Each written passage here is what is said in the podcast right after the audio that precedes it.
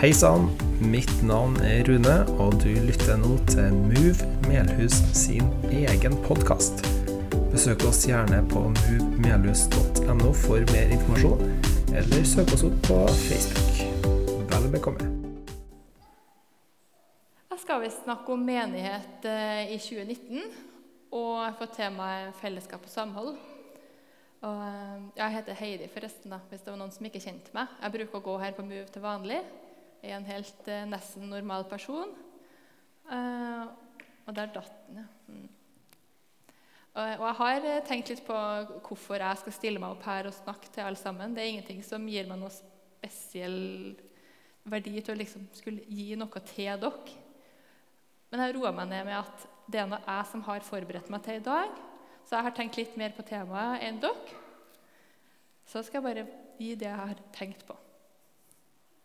Det hadde vært veldig til hjelp om den her hadde virka. Sånn, vet du. Eh, litt eh, artig og spesielt at jeg skal snakke om samhold. For at, eh, når vi snakker om samhold og fellesskap, så tenker vi fort på det sosiale.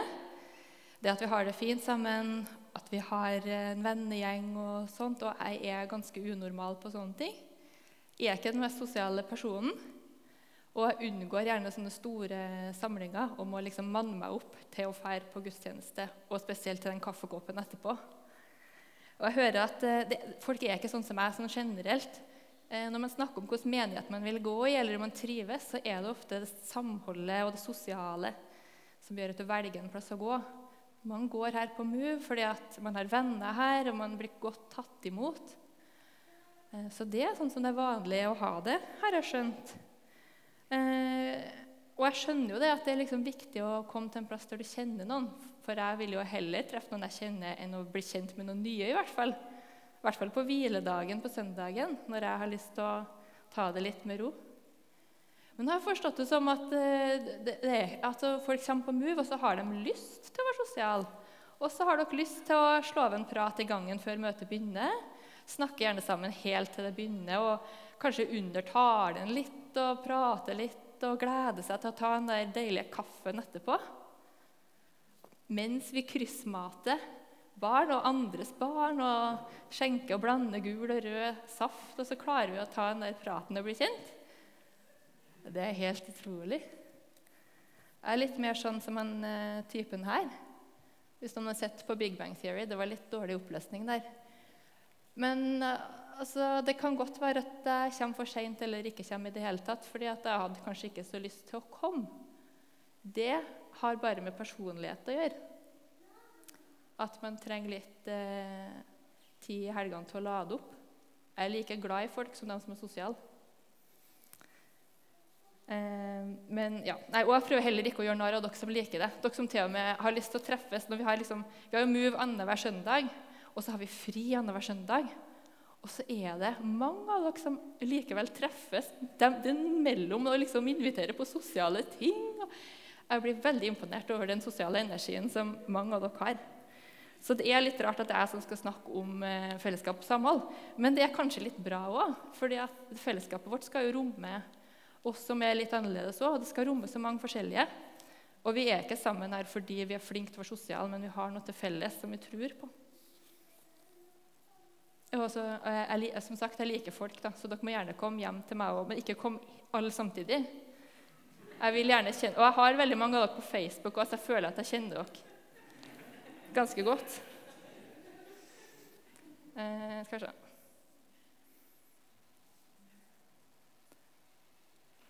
Vi har nå to dataeksperter her, men vi får ikke til likevel. Der. Eh, sist gang. Det var kanskje mange som var her da òg. Da var det en Lars Olav Gjøra som snakka om litt sånn bibelsk om fungerende fellesskap. Eh, og det at det har faktisk ikke bare med sosiale å gjøre, men at det er enheten som samler oss, som gjør oss et fungerende fellesskap. Det at vi tror på Jesus, klarer å se bort fra forskjeller og fokusere på det som er viktig. Og det gjelder òg, som bildet skulle illustrere her, da, at det gjelder litt i verdenssammenheng òg. Vi er jo sær her i Norge og har vår måte å tro på. Men at det som skal kjennetegne kristne hele verden over, er at vi elsker andre kristne. Sånn at folk ser det. Jeg skal snakke om menighet i dag, men jeg skal også ta utgangspunkt i de første kristne. For å se litt hva vi kan lære av dem, og hva vi gjør annerledes i dag. Eh, jeg skal se på hva de første gjorde, for de er jo på en måte de som står om apostlenes gjerninger. Er, litt sånn idealmenigheten, føler jeg. Så vi kan lære litt av hva gjorde dem, hva opplever dem, og hva var det som lå til rette for at de fikk lov til å oppleve de store tingene som de gjorde. Hvordan klarte de det? Og Da skal ikke jeg ta for meg så veldig mange forskjellige skriftsteder, så det er det her jeg kommer til å komme tilbake til hele veien. De holdt seg trofast til apostlenes lære og fellesskapet, til brødsbrytelsen og bønnene. Hver og en ble grepet av ærefrykt, og mange under og tegn ble gjort av apostlene. Alle de troende holdt sammen og hadde alt felles. De solgte eiendommene sine og det de ellers eide, og delte ut til alle etter hvert som hver enkelt trengte det. Hver dag holdt de trofast sammen på tempelplassen, og i hjemmene brøt de brødet og spiste sammen med oppriktig og hjertelig glede. De sang og lovpriste Gud og var godt likt av hele folket, og hver dag la Herren til nye som lot seg frelse. Jeg skal plukke det litt fra hverandre. Det var noen som ble litt skremt av den der boka som jeg har med, og at det kanskje blir litt langt. Men jeg har sagt til Sigrid at hun må si fra når det nærmer seg tida. Så skal jeg slutte uansett om jeg kommer gjennom boka. Jeg har allerede kommet gjennom flere sider. skjønner Jeg som har laga så fin powerpoint. Det de gjorde, og som vi skal se på om vi òg gjør, de holdt seg til apostlenes lære. De holdt seg til fellesskapet, og de holdt nattverd sammen og ba og sang sammen. Og så hadde de felles økonomi, og det er med vilje at jeg har spart det til slutt. For det er det som er vanskeligst å snakke om. De gjorde det sånn at de solgte alt, og så skulle alle få det de trengte. Den første syns jeg ikke er så veldig vanskelig. Jeg syns fortsatt at vi har fokus på læren. Vi snakker mye om det som står i Nye testamentet, om Jesus, at han døde for oss, og at vi har et misjonskall. Vi kan òg gjerne ha et enda enklere fokus hver gang. Jeg skulle gjerne tenkt meg at Uansett, hvis det kom en person som var søkende eller nysgjerrig og kom på et kristent møte, så var det ikke mulig å gå derfra uten å ha hørt at du er god nok, Gud vil bli venn med deg, og Jesus har gjort det mulig. Den lille Bibelen oppsummerer så fint. For så høyt har Gud elsket verden, at han ga sin sønn den enbårne, for at hver den som tror på ham, ikke skal gå fortapt, men ha evig liv. Det kan vi nesten ikke si for ofte. Så var det fellesskapet. Her er Melhus bedehus. I eh, den tidlige kristne tida så sto det at de møttes hver dag på tempelplassen. Og så møttes de i hjemmene i tillegg. Vi møtes kanskje ikke hver dag, men jeg syns vi er ganske heldige på Melhus at vi har bedehuset midt i sentrum. Nå fiksa vi gardinene, så det er ikke sikkert det lyser ut så veldig mye. Men lyser, altså, når vi er her, så ser folk at det lyser litt gjennom vinduene. De ser at vi fyller opp parkeringsplassen, og at det springer både voksne og unger ut av bilene. Og de vet at det har noe med Gud å gjøre når vi treffes på bedehuset. Så sånn sett så er vi til stede midt i sentrum. Forhåpentligvis så vet folk at de kan komme hit. Og jeg håper at vi òg gir, gir den beskjeden. Og så møttes de i hjemmene, og det gjør vi òg. Enten det er bare i vår lille familie eller vennegjenger som treffes. Vi har også smågrupper på MUB, som jeg anbefaler for alle. Det passer til og med for dem som ikke er så veldig sosiale.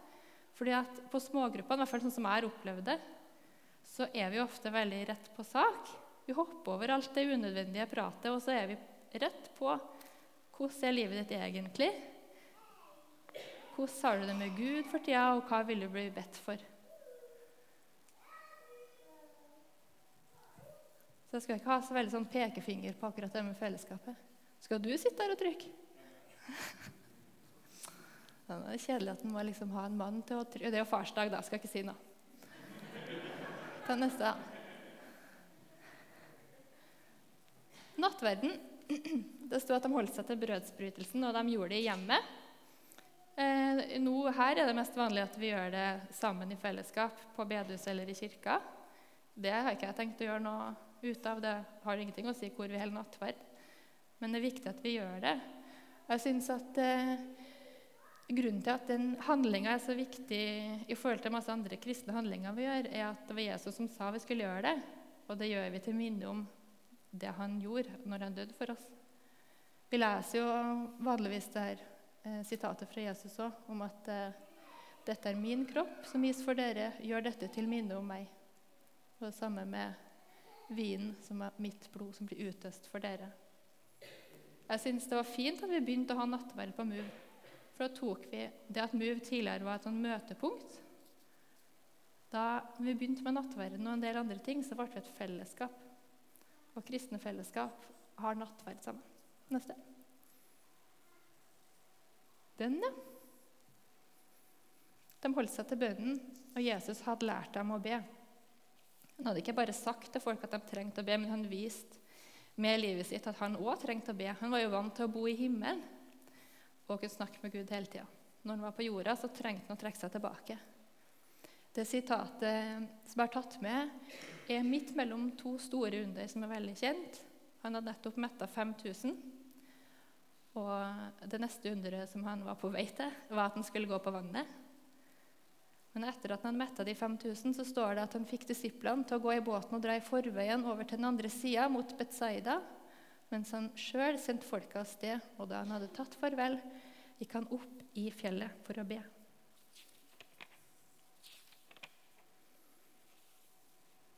Alle kristne må be, er min påstand.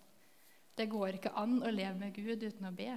Vi ber forskjellig, men det å ha kommunikasjon fram og tilbake mellom oss og Gud Altså Hvis du ikke ber og er kristen, så tenk deg sånn Det er som å være gift og ikke snakke med den du er gift med. Ha-ha, Det kan sikkert være masse humor med at det er ikke alle som snakker like mye hjemme, og vi kanskje er ikke like skravlete som hjemme hos dere. Det går ikke an å bo sammen med noen på en god måte uten å prate i det hele tatt, eller kommunisere i det hele tatt. Og det må vi med Gud òg. Men jeg tenker at det tror jeg dere gjør. Det er så intuitivt. Vi ber jo inni oss. Men det er noen som har et eget kall om å be, som jeg kaller bønnekjemper. Noen av dem de vises vanligvis ikke. Jeg har hørt om flere eldre damer for eksempel, som bruker timevis på å be. De kan bli kalt til å be lenge, eller at de blir ledet av Gud til å be om noe spesielt. De kan få visdomsord mens de ber, så de kan bruke i handling etterpå, eller dele med den det gjaldt. Det er en kjempeviktig gave. Jeg synes Det er bra at vi har starta med bønnemøter nå, bønnesamlinger. Der kan man komme hvis man har en gave, eller hvis man bare ønsker å dele fellesskapet, eller hvis man vil ha forbønn. Kjempeviktig.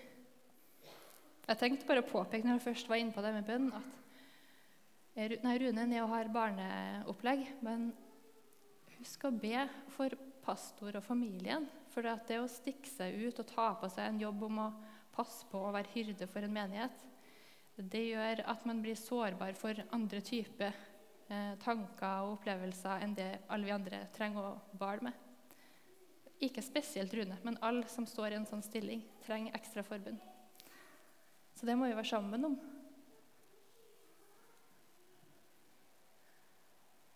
Ja, jeg har hatt det artig med å plukke ut. Det var ingen som lo med å plukke ut av de bildene. Det står at de sang og lovpriste Gud. Og jeg tror vi alle vet det, enten man er i et arbeiderfellesskap eller fotballsupporter eller at det er en menighet, at sang det bygger fellesskap. Vi har sunget i alle tider. De sang da, og vi synger nå, og det er en del av kulturen som ikke ser ut til å forsvinne. Og I tillegg så er det bra for helsa. Det har jo vært forskning på hva det å synge kor kan gjøre for helsa, og at det er like stor effekt som å trene. Sikkert bra å gjøre begge delene. Det er mange som sier at det skulle nesten vært på blå resept det å synge kor. Men vi synger sammen her, og det er det fellesskapet som vi har når vi synger. Det er jo veldig fint at vi har så flinke lovsangere også, som hjelper oss å få en kvalitet på det. Men det er ikke stilen som betyr noe når det kommer til det som er viktig for fellesskapet, og så er det mottakeren. Vi synger til Gud. Neste. så kommer den som jeg syns var litt vanskelig, for jeg er ikke så veldig sånn Ja. Jeg liker jo ikke å si imot Bibelen. Eh, og så tenker jeg heller ikke at det er så veldig lett at vi selger alt vi eier, og flytter inn på bedehuset og lever sånn som de gjorde. Men jeg prøver å tilnærme meg det her på en hva skal jeg si, pragmatisk måte, sånn som det funker i mitt hode. Hvis noen mener at vi skal gjøre det akkurat sånn, så får de lov til å mene det, for det er ikke noe ekspert. Men det sto at de holdt sammen, hadde alt felles, solgt eiendommene sine og delt ut det som folk trengte når de trengte det. Eh, og hvordan kan vi tolke det i 2019? Nei, det var ikke kommet dit ennå. Ja, bare bare videre. Jeg tenker at de kanskje gjorde det fordi at Jesus nettopp hadde vært der og fortalt dem at det å være rik det var en hindring til å komme til Gud. Når den rike mannen spurte hvordan han skulle komme til Guds rike, så ble det en samtale ut av det, der Jesus sa Barn, hvor vanskelig det er for dem som stoler på rikdom, å komme i Guds rike. Det er lettere for en kamel å gå gjennom et nåløye enn for en rik å komme inn i Guds rike. Da blir de enda mer forskrekket og sa til hverandre, 'Hvem kan da bli frelst?' Jesus så på dem og sa, 'For mennesker er det umulig, men ikke for Gud.' Alt er mulig for Gud. Vi bor i et rikt land. De fleste av oss er rike hvis du tenker på hele verden. Kanskje vi har det litt vanskeligere med å komme til Gud, spesielt når det gjelder å stole fullt og helt på Gud, siden vi har så mye trygghet rundt oss som vi kan stole på i stedet for. Jeg tror det, at vi har det som en ekstra hindring. Men jeg støtter meg på at det var mulig for Gud. Hvis dere husker tilbake, dere som var med på Viken for et år siden, eh, så ble det forklart det som jeg ikke visste, at når det var snakk om det nåløyet som kamelen skulle gå gjennom, så var det ikke et faktisk nåløye. Det ville vært helt umulig. Men det var en port, ganske, eller et hull i muren til byen, som var ganske lavt. Det var veldig vanskelig for en kamel å komme gjennom. De måtte ta av en alt pakket, og de måtte knele ned og bli skuvd under. Så vanskelig var det. Men det var ikke umulig. Jesus prøver å fortelle oss at vi har en del å slite med på jorda, men vi kan komme oss til Gud med hans hjelp. Ja, neste Så fokuset skal være på Gud og ikke på penger og rikdom. Og i 2019 så ser ting litt annerledes ut. Vi har i hvert fall ikke endt opp med det foreløpig at vi har slått oss sammen med økonomien. Så vi må snakke ut fra det. Da må vi faktisk ta ansvar for vår egen rikdom og fokuset vårt. Og vi kan så hjelpe hverandre med det. Det er kjempefint å ha muligheten til å gi til gode formål eller å dele med andre. Men vi skal ikke la det bli noe som vi bygger oss opp med at da er vi liksom så fantastisk. Vi er ikke noe bedre enn dem som får det. Du blir kanskje bedre av å gi enn å ikke gi, men du er ikke noe bedre enn dem som ikke har muligheten til å gi. Det kan være vanskelig å ha for mye rikdom. Det signaliserte òg at de var like mye verdt. Når de gjorde det sånn at alle solgte noe, og det ikke ble synlig hvem det var som var så høyt på strå, så var de like mye verdt. Alle skulle få etter behov, ikke etter hvor flinke de var til å yte for menigheten. Så det var en omsorg de hadde for hverandre, og det skapte en gjensidig avhengighet. Det var fellesskapet som var grunnen til at de hadde lyst og kunne gi og leve på den måten. Og så tenker jeg at det fører tilbake. Når de ga, solgte og ofra så mye, så styrka det helt sikkert fellesskapet deres. Så hvordan kan vi gjøre det i 2019? Vi har jo velferdsstaten i Norge. Så vi er ikke så veldig avhengig av menigheten. På det økonomiske og helsemessige så får vi hjelp fra Norge, fra staten. Vi kan jo kanskje si at det er jo basert på det her. Det er kristen tankegang, håper jeg, som har gjort at velferdsstaten er som den er. Det at vi skulle ha omsorg for alle, og at alle var like mye verdt, lå nok sikkert til grunn eh, når vi plutselig fikk masse oljepenger og bestemte oss for å dele til alle. Så det er bra. Men staten kan jo ikke gi oss åndelig og medmenneskelig støtte. Så det er der jeg tenker at menigheten kommer inn. Det er her vi kan dele og være sårbare og støtte hverandre. Kanskje lettere å få det til i smågruppene enn på selve gudstjenesten. Og vi må huske at akkurat som de inkluderte enten du hadde noe å spytte inn i potten eller ikke, så skal vi inkludere alle aldersgrupper. Vi har masse småbarnsfamilier. Hvordan tar vi imot dem som kommer hit alene eller i par? I andre aldre enn det som er gjennomsnittet? De skal få være med, og vi hjelper hverandre både med å be for hverandre, men òg husk at det kan være, like gjerne være praktisk. Hvis det kommer noen hit som har et lite nettverk og spør om hjelp til å flytte, så er det ikke sikkert at svaret skal være skal be om at det ordner seg. Det skal jeg virkelig huske på. Vi må se hverandre. Neste.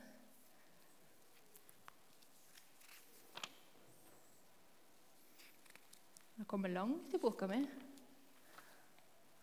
Se på klokka. Det går bra.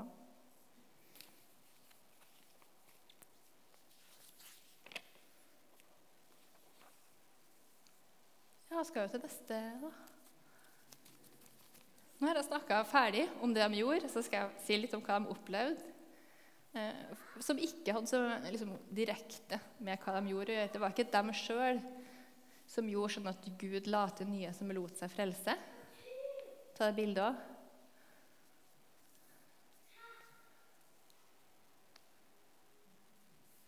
Hvis du sier at du går rundt og omvender folk, så er det egentlig litt feil. Det er Gud som omvender folk. Og jeg liker den formuleringa som de har i Bibelen om at Gud la til dem nye. Det står at han gjorde det hver dag, så vi har jo absolutt noe å strekke oss etter.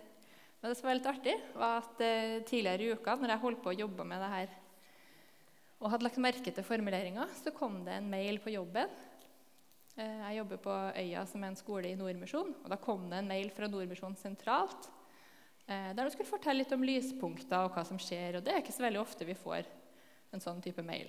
Så sto det om Move. At det var en menighet som het Move på Melhus. Vi hadde starta med konfirmantarbeid, og alt gikk bra. Og, og Gud hadde eh, lagt til nye i menigheten. Akkurat samme formuleringa. For det første hadde jeg bare lyst til å si det, for jeg syntes det var stas at vi ble nevnt. Og det er veldig bra at vi vokser, og at folk legger merke til at vi har starta med konfirmantarbeid. Det er vi veldig glad for. Og så syntes jeg det var så artig at de brukte den formuleringa. For det er bare Gud som frelser. Og vi skal bare være her og legge til rette for at de nye menneskene kan finne seg en menighet der de kan søke Gud. De opplevde en oppriktig og hjertelig glede som kanskje ikke er de, ja, kanskje mange er veldig glad. Kjempebra. Jeg tenker at De levde i helt spesiell tid, der de var de første som trodde på Jesus. Det var en liten gruppe, masse folk rundt seg, som gjorde at de, liksom, de følte seg nok veldig som pionerene og noen som hadde noe eget som ingen andre visste om, som de skulle ut og dele. Mens i Norge i dag så kan vi kanskje tenke at Norge har vært kristent lenge, og det begynner heller å bli litt avleggs å være kristen. Man tenker at alle har hørt det før. Og bedehuskristendommen er jo kanskje på vei ut. Så hvorfor skal vi være så glad? Men sjøl om folk har hørt om kristendommen før, så tror jeg ikke folk har egentlig hørt det vi tror på. Det sprengstoffet som vi har. I det helt enkle. Det at det går an å leve et liv med Jesus hver dag. At han kan gi oss det vi trenger. og at han forandrer livet vårt. Jeg tror ikke folk vet at det er den krafta vi sitter med på bedehuset. Kanskje bare tenker noen utdøende tradisjoner og sånne ting. Vi har noe helt spesielt. Jeg vet det sjøl òg, for ikke at jeg har noen sånn kjempehistorie å fortelle, men jeg har prøvd å leve både eh, med og uten, eller tett Jesus og langt unna Jesus. Og jeg vet at det er så forskjell. Det er en kjempetrygghet å ha Jesus med seg. Og det er ikke sånn at Man kan kanskje si at det er vanskelig å kombinere det her kristenlivet med et travelt og hektisk 2019-liv. Men det er ikke sånn at vi skal prøve å få til det. og at liksom, nå er enda en ting som å prøve å få plass til i det travle livet ditt. Men det er Bibelen og trua som kan gjøre det mulig å leve i 2019 med ro og mening. Det hjelper oss jo. Det er ikke en sånn ekstra ting. Med Jesus så opplever jeg at utfordrende ting kan bli mulig å få til. Og at vanskelige situasjoner kan bli mulig å stå i. Og jeg har noen å trekke meg tilbake til. enten det er folk rundt meg eller ikke, som kan hjelpe meg i det vanskelige. Jeg har også opplevd at de tegner under, ja. Eh, både når Jesus levde Men det var, vi kan liksom ikke unnskylde oss med at Jesus ikke lever lenger, for apostlene gjorde det, dem òg. De gikk rundt og gjorde helbredelser og store tegn under, som det står om. Og hvorfor opplevde de det? Hvorfor er ikke det tilfellet i dag? For jeg tror ikke det er det. Jeg hadde et litt sånn provoserende bilde som ikke skal la stå så veldig lenge, for det er sikkert laga for å være ondsindig. da. Hvorfor er det handikapparkering ved kirka? Kan de ikke bare helbrede dem? Ja, kanskje det. Men det er, det er ikke sånn bare gå tilbake igjen.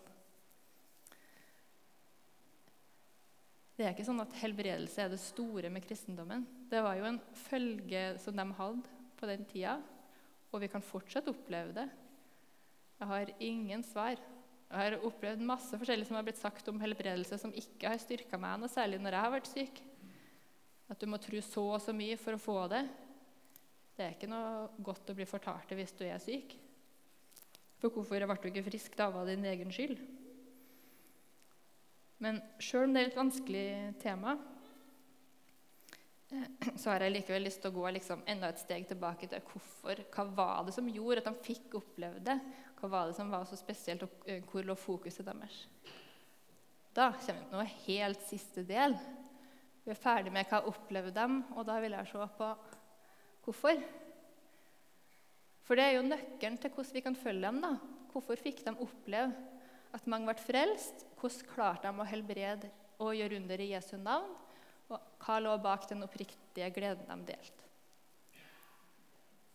Det var jo samhold og fellesskapet, men jeg tenker at det er ganske tomt hvis du ikke fyller med noe. Så jeg kommer fram til to ting. Jeg er ikke noen teolog, men jeg har tenkt meg fram til det her. da. De kjente Jesus, og de kjente ham veldig godt. Og de tok imot Den hellige ånd. Bla videre. Det sto nemlig det eh, Jeg skal ikke lese hele den her, men det står at Paulus han gjorde veldig masse sånne tegn og under. Og helbredelser skjedde rundt han. Og da var det noen andre De var ganske vant med magi og sånne ting på den tida her. Og det å kunne ta i bruk magiske navn. Og da var det noen som prøvde seg på det å bruke Jesu navn som en slags magisk formel uten at de visste noe mer om det. Eh, det som du ser helt nederst eh, på den første, eh, som skjedde da, var at den onde ånden svarte dem. Ja, jeg kjenner Jesus, og jeg vet hvem Paulus er, men hvem er dere?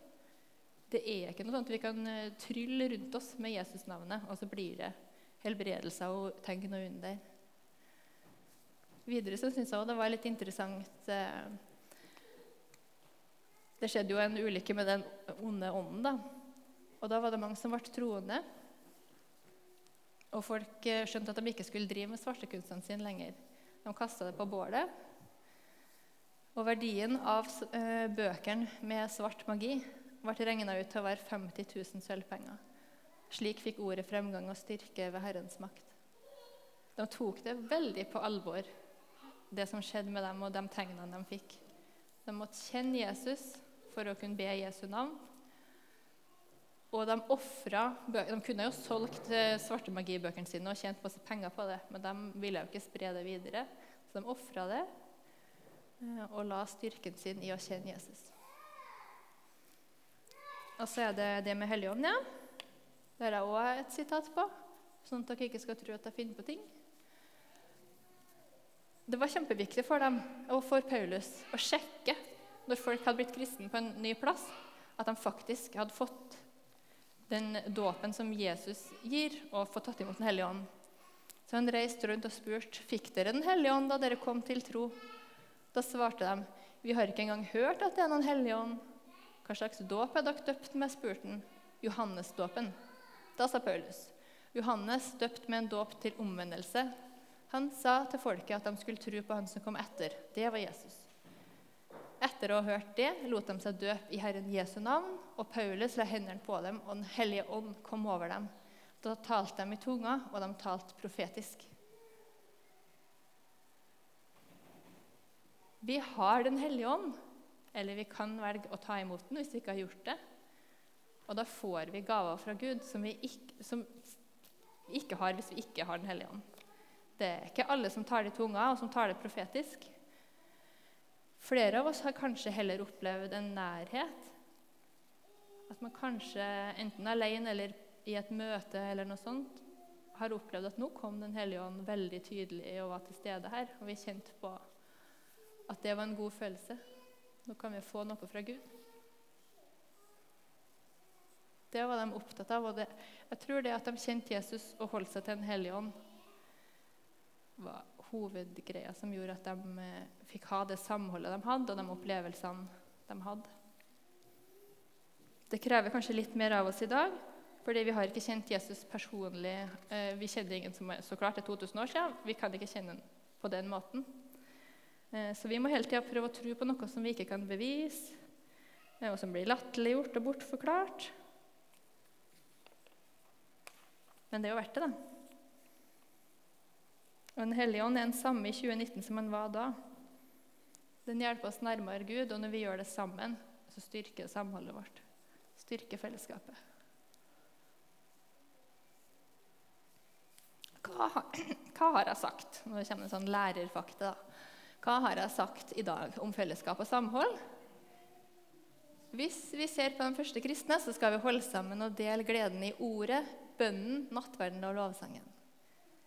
Så skal vi dele alt, eventuelt ha omsorg for hverandre.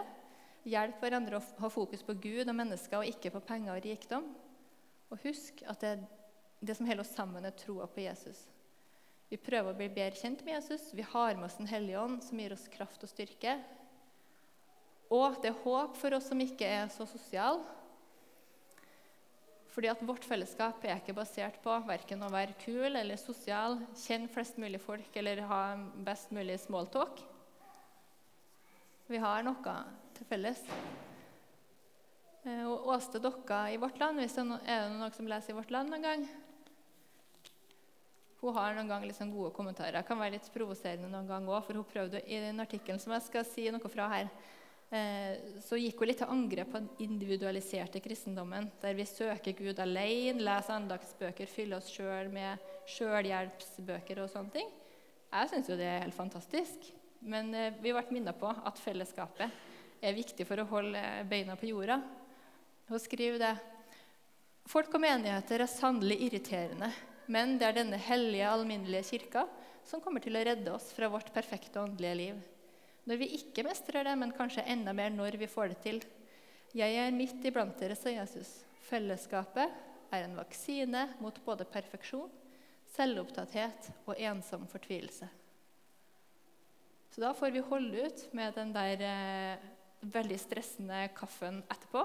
Ingen må tenke at jeg ikke har lyst til å snakke med dem, for jeg er veldig glad i folk. Vi må holde ut med den situasjonen som er rundt oss da, vi som er sånn som meg.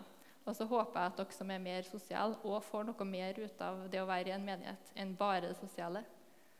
For vi har noe som er viktigere enn det. Det var det jeg skulle si.